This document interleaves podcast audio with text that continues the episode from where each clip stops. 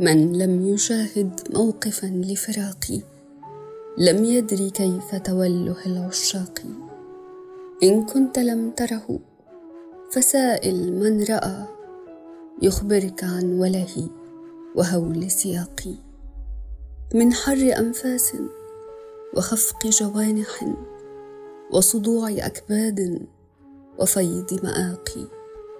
دهي الفؤاد فلا لسان ناطق عند الوداع ولا يد متراقي ولقد أشير لمن تكلف رحلة أن عج علي ولو بقدر فواقي علي أراجع من ذماي حشاشة أشكو بها بعض الذي أنا لاقي فمضى ولم تعطفه نحوي ذمة هيهات لا يثني على مشتاقي.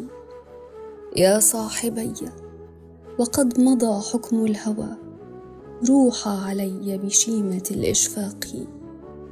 واستقبلاها نسمة من أرضكم فلعل نفحتها تحل وثاقي.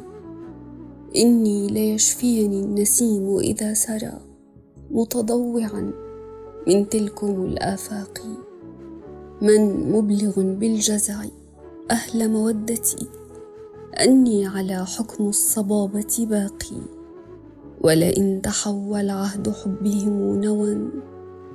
ما حلت عن عهدي وعن ميثاقي.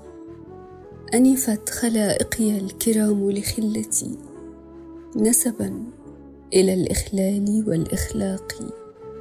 قسما به ما استغرقتني فكرة إلا وفكري فيه واستغراقي.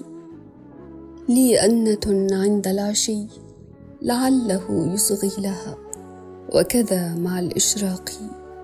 أبكي إذا هب النسيم فإن تجد بللا به فبدمعي المهراق.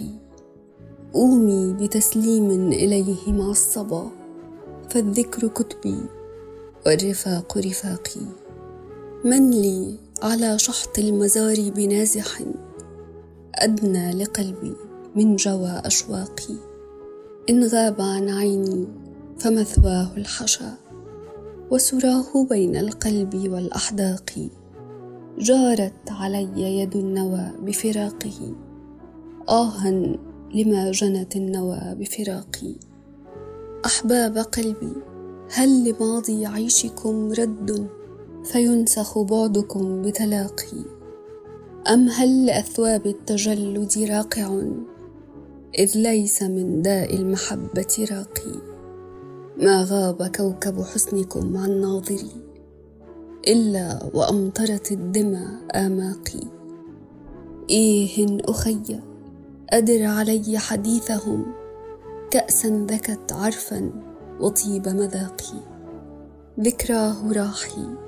والصبابة حضرتي والدمع ساقيتي وأنت الساقي فليسل عني من لحاني إنني راض لما لاقيته وألاقي